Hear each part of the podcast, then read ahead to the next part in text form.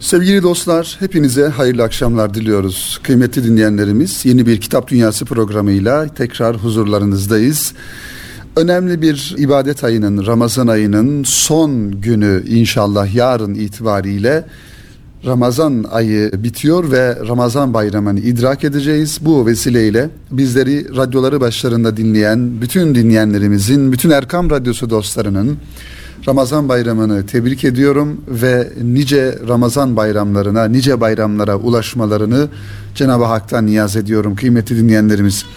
Efendim bu hafta yine sizlere birbirinden güzel, birbirinden seçkin kitaplar hazırlamaya çalıştık ve kitap dünyamıza, sizlerin kitap dünyasına yeni kitapları ekleyerek, onları tanıtarak inşallah programımıza devam ediyoruz kıymetli dinleyenlerimiz. Sevgili dostlar, Son yıllarda özellikle sanal alemin ve medya unsurlarının, sanal e, medya unsurlarının, internet medya unsurlarının artmasıyla malumunuz olduğu üzere bu anlamdaki problemlerimiz, sıkıntılarımız, dertlerimiz artar oldu. Gittikçe e, toplumsal problemlere dönüşür oldu. Özellikle internetle alakalı bizim sıkıntılarımız. Aslında dünya genelinde teknolojinin ilerlemesiyle ve e, teknoloji çağının gittikçe yeni e, unsurlarıyla insanlara bir takım e, imkanları sunmasıyla beraber beraberinde getirdiği problemler, psikolojik sıkıntılar, sosyolojik sıkıntılar, insanla ilgili problemler de e, daha e, göze görünür oldu ve artar oldu. İşte bizim de e, bu programımızın ilk kitabı olarak sizler için seçtiğimiz Kapı yayınlarından çıkan ve Erol Gökhan'ın kaleme almış olduğu İnternet ve Psikolojimiz isimli bir kitaptan ve bu konudan inşallah kıymetli dinleyenlerimiz sizlere bahsetmeye çalışacağız. Zira bugün akıllı telefon kullanan her insanın aslında içinde bulunmuş olduğu bir takım problemleri de beraberinde getirdiğini görüyoruz. Ve vazgeçemediğimiz bir argüman haline gelen, bir aygıt haline gelen akıllı telefonlar maalesef hayatımızı sadece ihtiyaçlarımızı görme açısından kullandığımız birer e, makina, birer cihazdan öte maalesef hayatımızın her alanında, her anında e, olan, belki de hayatımızı ona göre düzenlediğimiz, e, ona göre plan yaptığımız bir maalesef bir aygıt haline geldi. Bu da aslında bir yönüyle çok tehlikeli bir durum e, söz konusu olmuş oluyor. Onun için mümkün mertebe mümkün mertebe kıymetli dinleyenlerimiz özellikle internetin içinde barındırıldığı olduğu ve mobil telefon olarak kullandığımız akıllı telefon dediğimiz bu aygıtlarla olan irtibatımızda, ilişkimizde gerçekten bir otokontrol halinde olmamız gerektiği artık bir aşikar bir gerçek. Yoksa e, zamanımızı e, en hoyrat bir şekilde farkında olmadan bereketsiz bir şekilde zamanımızın aktığını, geçtiğini ve verimsiz bir hayat halinde hayat sürdürdüğümüzü bu vesileyle e, fark ediyoruz. Onun için en başta tabii ki kendimiz buna dikkat edeceğiz. O, onun dışında da etki altımızda olan çocuklarımız, ailemiz, eşimiz, dostumuz bunları da bu manada uyarmış olacağız.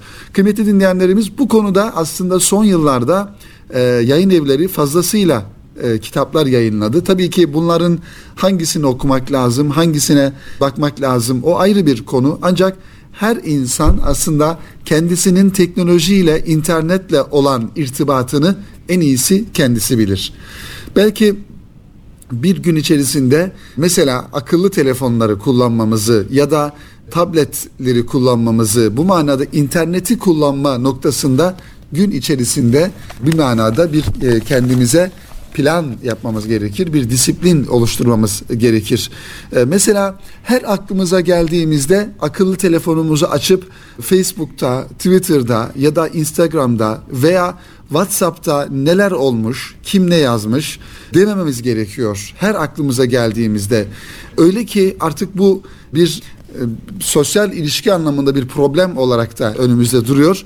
İnsanların olduğu ortamlarda ya da birileriyle görüşme ortamlarında eskiden biri, birisiyle karşı karşıya bir ikili görüşme yaptığımızda bu telefonla meşgul olmak çok ayıp bir davranış sayılırken şimdi e, bir taraftan görüşme yapılıyor, bir taraftan mesela sohbet dinleniliyor, bir taraftan da telefonla meşgul olunuyor ve bu e, sıradan bir hadise halini aldı. Bu da aslında çok doğru bir davranış olmasa gerek.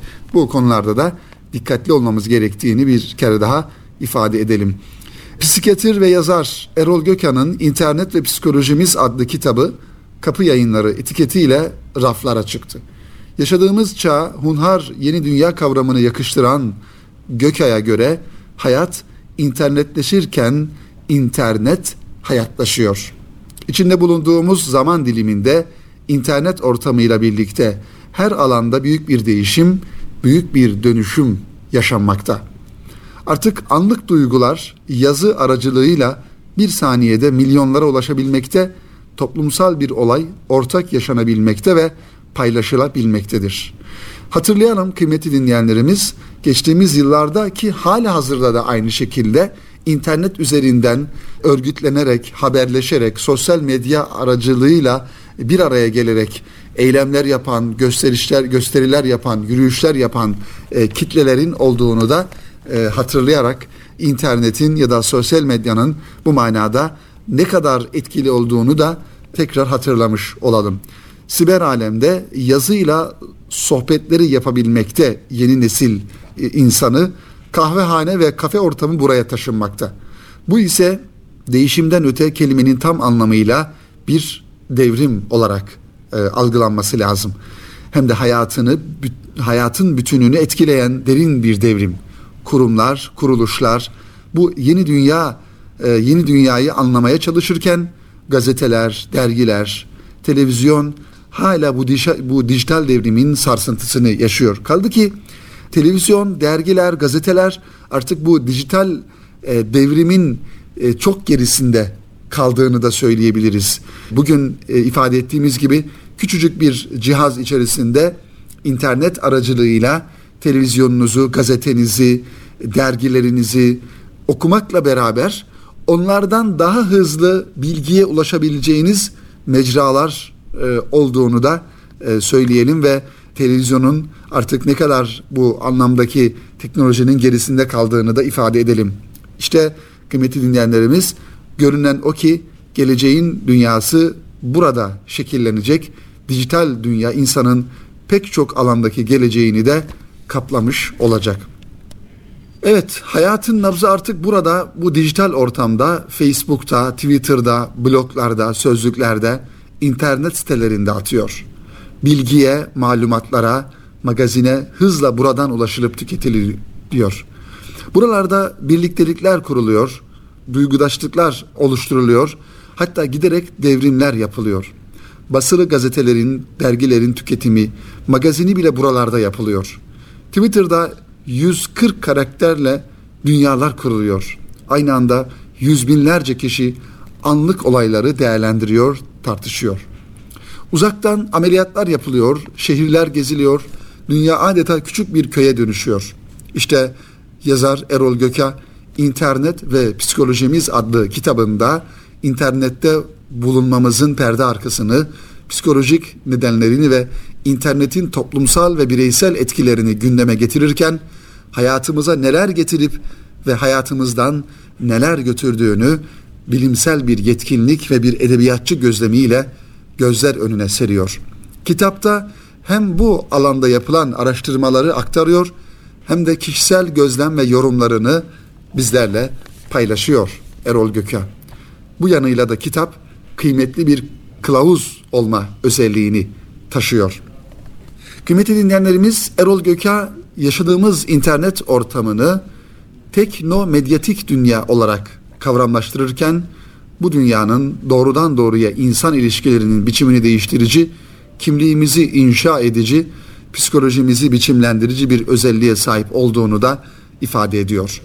Yazar, teknoloji ve medya tarafından çerçevelenen dünyamızda aşk ve ahlakın yani duygunun, insani ilişkilerin yara aldığını belirterek bu yeni dünyanın psikolojik yaralarını irdelemeye çalışıyor. İnsan sonrası ve insan ötesi kavramlarından yola çıkarak günümüzde insanlık tarihinden ve insanlık anlayışından radikal kopuşları gündeme getirirken teknomedyatik dünyaya giderek hunhar yeni dünya kavramını yakıştırıyor ve bizim kavram dünyamıza e, kazandırmış oluyor. Sevgili dinleyenler gerçekten bu e, düşünceyi destekler mahiyette sosyal hayatımıza baktığımızda internet e, ortamında sürekli sosyal medya ortamında olan insan tiplerinin gerçekten e, normal bir sosyal ilişki anlamında e, irtibatlar, ilişkiler kuramadığını ya da farklı bir insan tipinin e, ortaya çıktığını bu vesileyle biz de görmüş oluyoruz.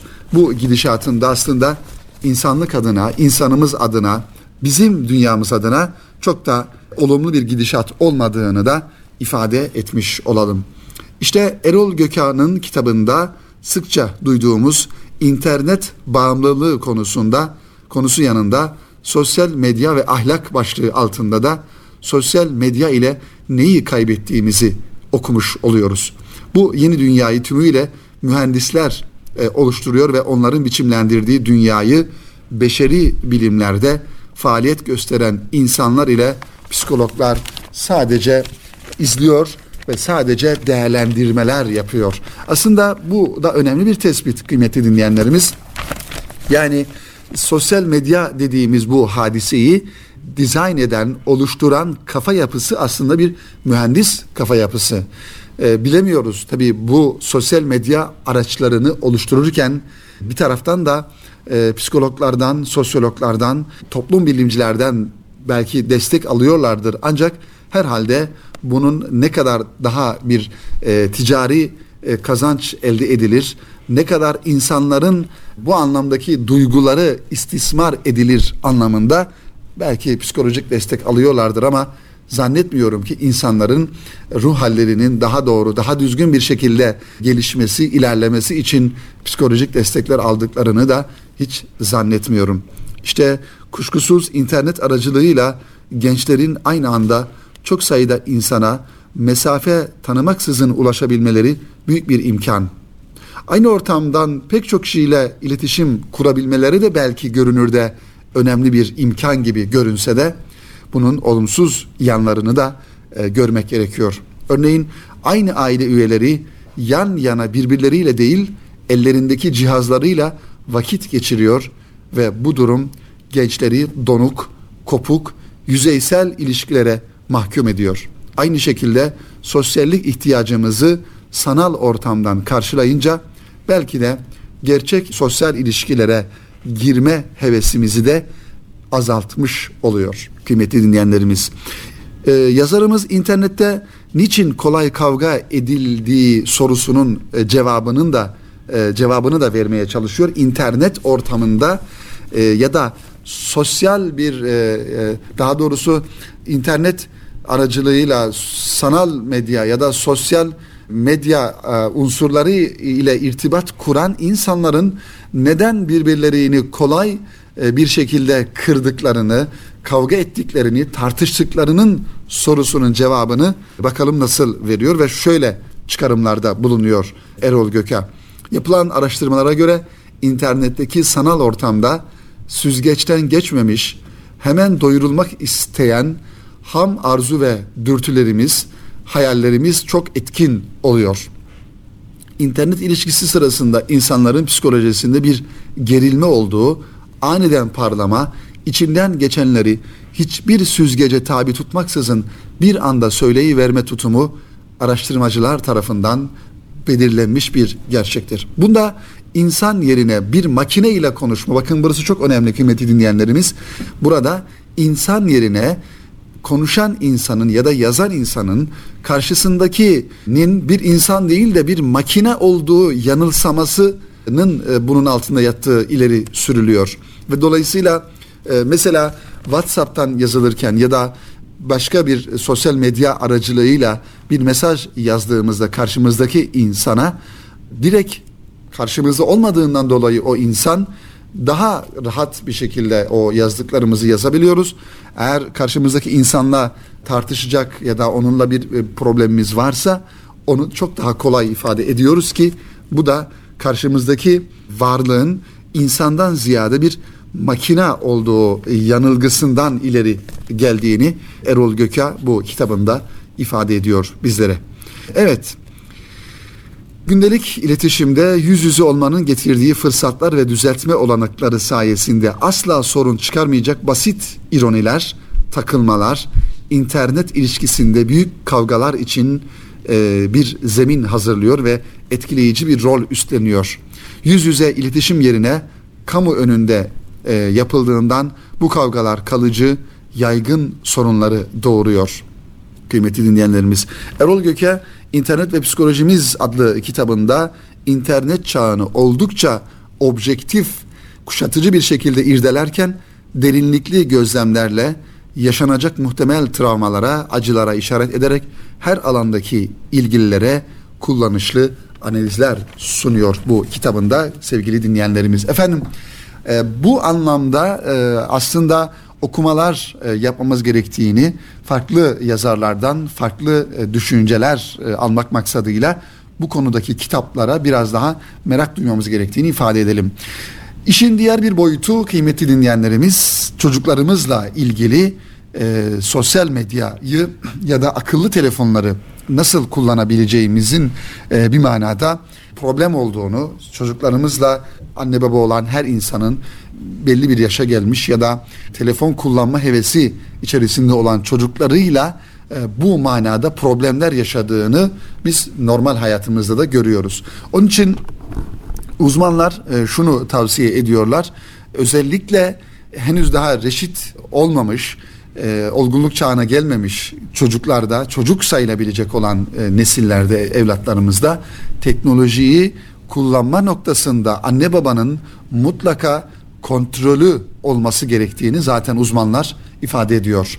Yani bir 8 yaşındaki, 9 yaşında, 10 yaşında, 12 yaşındaki bir çocuğun eline içinde interneti de olan akıllı telefonları ya da tabletleri verip onları tek başına o aygıtlarla beraber tek başına bırakmak Allah muhafaza bir yönüyle o çocukların manevi yönden hayatlarının heder olması, yok olması e, zayi olması demektir sevgili dinleyenlerimiz. Onun için çocuklarımızın tabii ki bu manada çevreden görmüş oldukları baskı, arkadaş ortamı vesaire bu e, baskıyı da ailelerine, annelerine, babalarına yansıtması neticesinde genellikle anneler babalar çocuklarının bu talepleri karşısında mukavemet gösteremiyorlar ve onların belki de biraz duygusal anlamda yaklaşımlarından dolayı çocuklarını üzmemek adına, kırmamak adına, onların isteklerini yerine getirme adına onların eline o akıllı telefonlar, teknolojik aletler veriliyor ve kontrol sağlanamıyor. Kıymetli dinleyenlerimiz şunun altını çizmekte bir yarar görüyorum ki bugün e, cinsel istismar dediğimiz hadisenin en çok yapıldığı mecralardan bir tanesi de şüphesiz ki son yıllarda sosyal medya e, araçlarıdır.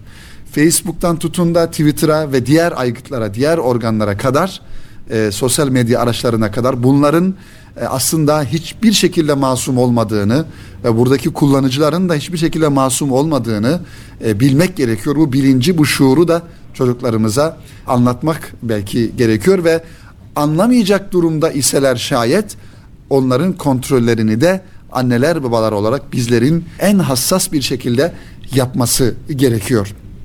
Aksi takdirde yüzme bilmeyen bir insanı okyanusun ta ortasına bırakmak gibi bir benzetmemiz böyle yapalım.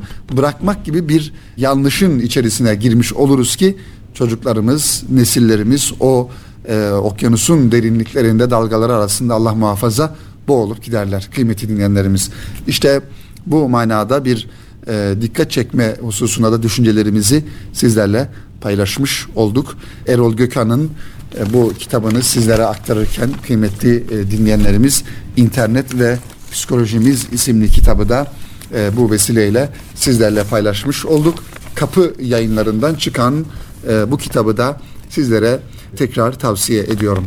Kıymetli dinleyenlerimiz Türkiye Yazarlar Birliği Türkiye'mizde önemli çalışmalara imza atan e, yazarların bir manada toplanmış olduğu e, önemli bir e, kuruluş Türkiye Yazarlar Birliği. İstanbul'da merkezi olmakla beraber Türkiye'nin farklı illerinde Türkiye Yazarlar Birliği'nin temsilcilikleri de bulunmuş oluyor. İşte Türkiye Yazarlar Birliği'nin bir çalışmasından sizlere bahsetmek istiyorum. Bu programımızın ikinci bölümünün baş tarafında Türkiye Kültür ve Sanat Yılı ismini taşıyan Osman Özbahçe'nin koordine ettiği, çalışmalarını yaptığı ve hazırladığı güzel bir çalışmadan bahsediyorum. Bir kültür çalışması. Türkiye Yazarlar Birliği'nin e, her yıl çalışma olarak yaptığı bir yıl içerisinde kültür adına kültür adına Türkiye'de önemli görülen ve kitabın içine alınmaya kayda değer düşünülen faaliyetleri farklı kalemler aracılığıyla bu kitabın içine e, almışlar. Türkiye Yazarlar Birliği bu eseri kendi e, ismiyle Türkiye Yazarlar Birliği ismiyle yayınlamış. Bir önceki yılda yaşanan kültür ve sanattaki önemli gelişmelerin kayıt altına alındığı Türkiye Kültür ve Sanat Yıllığı 2017 yayınlandı. Türkiye Yazarlar Birliği yayınları arasından çıkan çalışmada röportaj, inceleme, eleştiri ve metinler yer alıyor. Türkiye Yazarlar Birliği'nin kültür ve sanatın yanı sıra kuşkusuz bu alanları doğrudan etkileyen ekonomi, toplum, siyasi hayat ile İslam dünyası başlıkları altında Türkiye'de ve ait olduğu coğrafyada yaşananları özetlediği bu kapsamlı çalışma 1984 yılında başlayan bir geleneği de yaşatıyor. Kültür ve Sanat Yıllığı'nın bu sene 30.sü yayınlandı. Yani 30 yıldan beri her yıl hemen hemen her yıl e, bir sanat yıllığı, kültür ve sanat yıllığı yayınlıyor Türkiye Yazarlar Birliği. Eserin sunuş yazısında da belirtildiği gibi ülkemiz tarihinin en ağır yıllarından birini yaşadı. 2016 yılında. 500 sayfaya yaklaşan çalışma kapsamında Murat Yülek dünyada siyasi belirsizlik ve risklerin arttığı ve büyümenin zayıf seyrettiği bir yıl olduğuna değindiği yazısında Türkiye ekonomisinin 2016 yılı genel değerlendirmesini yapıyor. 2016'daki e, siyasetteki gelişmeleri Ercan Yıldırım detaylarıyla birlikte e, bir kez daha hatırlatıyor bizlere. Geçtiğimiz yılda siyasetin ana konusunu terörün oluşturduğunu anlatan Yıldırım 15 Temmuz FETÖ darbe girişimi ve siyasetteki önemli başlıkları ayrıntılarıyla aktarıyor. İmparatorluktan kalan devletlere ve darbeye karşı Anadolu irfanı Yıldırım'ın diğer ana başlıkları. 2016'da İslam alemi Ahmet Varol'un yazısının başlığı. Türk dünyasındaki gelişmeleri ise Doktor Ali Özgün Öztürk kaleme alıyor. Zeynep Arkan her derginin ayrı bir kişiliği ve kadrosuna aldığı şair ve yazarı kendine benzetme gücü olduğunun altını çizdiği 2016 yılında edebiyat dergileri ve şiir başlıklı yazısında yıl içinde yayımlanan edebiyat dergilerini değerlendiriyor. Zeynep Arkan 2016'nın başarılı şiir örneklerinden de bir seçki yapıyor bu çalışmada. Seçki vesilesiyle söz konusu şiirler bir kez daha okunabilir. Yine öykücü ve yazar edebiyatçı Necip Tosun 2016'da öykümüzün durumunu, edebiyatta yaşanan gelişmeleri, edebiyat ve popüler edebiyat ayrımı üzerinden bizler için değerlendiriyor. Necip Tosun 2016 için en büyük övgünün nitelikli edebiyatın popüler ve ucuzcu edebiyata direnişi için yapılması gerektiğinin altını çiziyor. 2016'nın romanlarını ise Profesör Doktor Alaaddin Karaca değerlendiriyor bu çalışmada. Dikkati çeken romanları tek tek değerlendiren Karaca sonuç itibarıyla 2016'da romanın başarılı bir yıl geçirdiğinin söylenemeyeceği iddiasında romanların çoğunun bilgi, birikim, dil anlatım ve kültür bakımından zayıf, sıra dışı insanların ve ilişkilerin anlatıldığı popüler kaygılarla yazılmış, popüler kaygılarla yazılmış intibanı veren eserler olduğunu anlatırken onca roman içinde yüz akı olarak gördüklerini de yazısında anlatıyor kıymetli dinleyenlerimiz. Ve son olarak da emektar kalem Osman Akkuş'la yapılan bir röportajında bulunduğu Türkiye Yazarlar Birliği'nin arşivlik çalışması 2016 yılında kaybettiklerimizi bir kez daha hatırlattı, hatırladığımız bölümle sona eriyor e, bu çalışmada kıymetli kitap dostları. İlgili olan kardeşlerimize, dinleyenlerimize bu çalışmayı da mutlaka Türkiye Yazarlar Birliği'nden temin etmelerini tavsiye ediyoruz efendim. Sevgili dinleyenler, geçtiğimiz ay bir dergi, zaman zaman e, Kitap Dünyası programında bu dergiden bahsediyoruz ve bahsedeceğiz inşallah. Okur dergisi, kitap dergisi olarak malumunuz ikinci sayısı yayınlandı ve elimde bulunan şu andaki sayısı da Haziran, Temmuz, Ağustos 2017 tarihine ait güzel bir çalışma, kapsamlı ve teferruatlı, gerçekten emek verilmiş bir çalışma. Geçtiğimiz programlarımızda da ben zaman zaman bendeniz bu çalışmadan sizlere bahsettim. İşte bu dergi için bendenizin hazırlamış olduğu, kaleme almış olduğu e, bir kitabın tanıtım yazısını da sizlerle paylaşarak inşallah programımızı yavaş yavaş sonlandıralım. Okur dergisi editörü kardeşimiz Yusuf Temizcan kardeşimizi ayrıca buradan tebrik ediyorum. Gerçekten büyük bir emek neticesinde e, onlarca kitap, belki onlarca yazar, röportajlar, e, derginin hacmi gerçekten çok güzel. Baktığımızda e, 80 sayfeden oluşuyor. Her e, bir sayfası altı çizilerek okunması gereken kitap tanıtımları, kritikler, röportajlar, kültür haberleri dolu dolu bir dergi. Bendenizden de bu dergiye bir kitap tanıtımı, bir kitap kritiği istemişti Yusuf kardeşimiz. Biz de göndermiştik. Bu kitap kimin kitabı? Bu kitap Profesör Doktor Turan Koç hocanın tercüme ettiği ve William Stick'e ait insan yayınlarından çıkan Var Olmanın Boyutları ismini taşıyan güzel bir kitap. Biraz muhteva itibariyle tabii ki tasavvufi muhtevası, felsefi muhtevası olması hasebiyle biraz ağır sayılabilecek muhtevada bir kitap. Ancak e, tasavvuf anlamında okuyan, tasavvufi okumalar yapan dinleyenlerimizin mutlaka okuması gereken bir kitap. Kitabımızın ismi Var Olmanın Boyutları. Yazarımız William Stick. Mütercim Turan Koç. Yayın evi İnsan Yayınları. Uzun zamandan beri kütüphanemde arzı endam eden kitaplardan biriydi. Var Olmanın Boyutları. Kitap William Stick imzasını taşıyor. Tasavvuf ve tasavvufun önemli konularından biri olan vahdeti vücutu akademik ve batılı bir bakış açısı ile ele alan bir eser. Kitabı İngilizceden Türkçe'ye çeviren Turan Koç Hoca. Kitabın yazarı hakkında ilk bilgiye kıymetli hocamız Turan Koç Hoca ile sohbetimizde vakıf olmuştum. Hocanın hem tasavvuf akademisyeni olması hem de şair ve edebiyat metinleri üreten bir insan olması hem William Stick'i hem de Turan Koç hocayı benim açımdan daha ilginç kılmıştı. O yüzden bir ara bir kitapçıya uğrayıp hocanın bütün kitaplarını aldım. Aldım ki temiz ve asil bir edebiyat geleneğinden gelen bu insanın düşünce dünyasına daha yakından tanık olabileyim. Mütercim Turan Koç'un kitaba yazdığı ön sözde de ifade ettiği gibi William Stick'ın konu bakımından birbiriyle ilgili bir dizi makalesinin bir araya getirilmesiyle oluşan bu eser alanında kaleme alınan makaleler arasında en kıymetli metinlerden oluşuyor.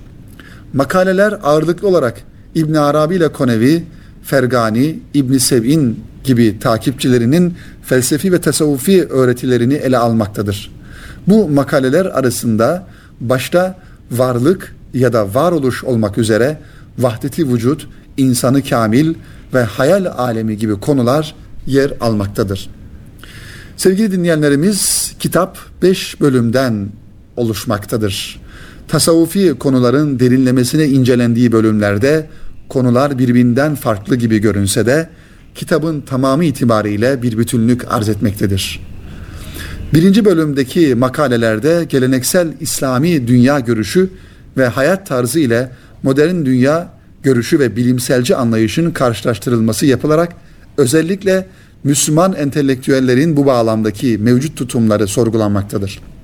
İkinci bölüm tasavvufun nihai gayesi olan insanı kamil konusunu var olma bağlamında ele alan makalelerden oluşmaktadır. Konevi'ye göre ruhani yükseliş dairesi caminin tasavvuf anlayışında ben düşüncesinin prototipi olarak insanı kamil, Hace Hort'un Arif hakkındaki risalesi bu başlıklardan bazıları. Üçüncü bölümde ise İbn Arabi, Sadrettin Konevi, Mevlana Celaleddin Rumi'de vahdeti vücut konuları ele alındıktan sonra genel olarak İslam düşüncesinde vahdeti vücut konusu irdelenmiş. Hayal alemi olarak isimlendirilen dördüncü bölümde İbn Arabi'ye göre hayal alemi ve şiirsel imaj, ölüm ve hayal alemi konuları işleniyor. Son ve beşinci bölümde ise İslam düşüncesinin boyutları konu başlığı ile ilk dönem İslam tarihinde felsefeye karşı tasavvuf konusunda Tusi ve Konevi'nin mektup, mektuplaşması örneğinde konu ele alınıyor. Kitabın ilerleyen sayfalarında yazarın okur açısından zor konuları sağlam temeller oluş oturttuğu intibası uyanıyor. Stick ele aldığı ve tartıştığı konuları felsefi, teolojik ve tasavvufi bağlamlarına oturtmakta büyük bir başarı gösteriyor. Yine anlaşılması zor konuları açık ve sade bir İngilizce ile anlatması hem tasavvufi öğretilere vukufu hem de bu konulara gösterdiği titizlik açısından takdire şayan bir husus olarak e, karşımıza çıkıyor. Şunu ifade etmek gerekir ki kıymetli dinleyenlerimiz tasavvufi metinleri, tarihi süreci, farklı coğrafi ve bölgesel e, etkenleri de dikkate alarak irdelemek gerekir. Tasavvuf her ne kadar hal ilmi olsa da meselenin teorisi bak e, teori kısmını bilimsel bir zemine oturtmak ve bu bilimsel zemin üzerinden sağlam bir düşünce örgüsü kurmak konu ile ilgili dışarıdan gelebilecek eleştirilere karşı mukavemetli durmaya yardımcı olacaktır diyoruz. İnsanı kamil e, vardığın insanı kamil boyutu olarak değerlendirdiğimiz e, William Stick'ın kaleme almış olduğu ve muhterem Turan Koç hocanın insan yayınlarından tercümesini yaparak yayınladığı Var Olmanın Boyutları isimli kitabını sizlere takdim ederken sevgili dinleyenlerimiz. Efendim Turan Koç'un tercüme ettiği bu güzel kitabı sizlere aktardıktan sonra e, programımızın sonuna gelmiş bulunuyoruz. Aslında farklı kitaplarımız da vardı önümde. Geçen hafta da anonsunu yaptığım ama bir türlü sıra gelmeyen üç tane daha kitap var masamda. Bunları da inşallah önümüzdeki hafta Cenab-ı Hak nasip ederse e, sizlere anlatmaya, takdim etmeye çalışacağım kıymeti dinleyenlerimiz. Efendim bu haftalık bizden de bu kadar. Önümüzdeki hafta yeni ve güzel kitaplarla buluşmak ümidiyle aynı gün ve aynı saatte sizleri Erkam Radyosu başına bekliyorum ve hepinize hayırlı akşamlar diliyorum efendim. Hoşçakalın.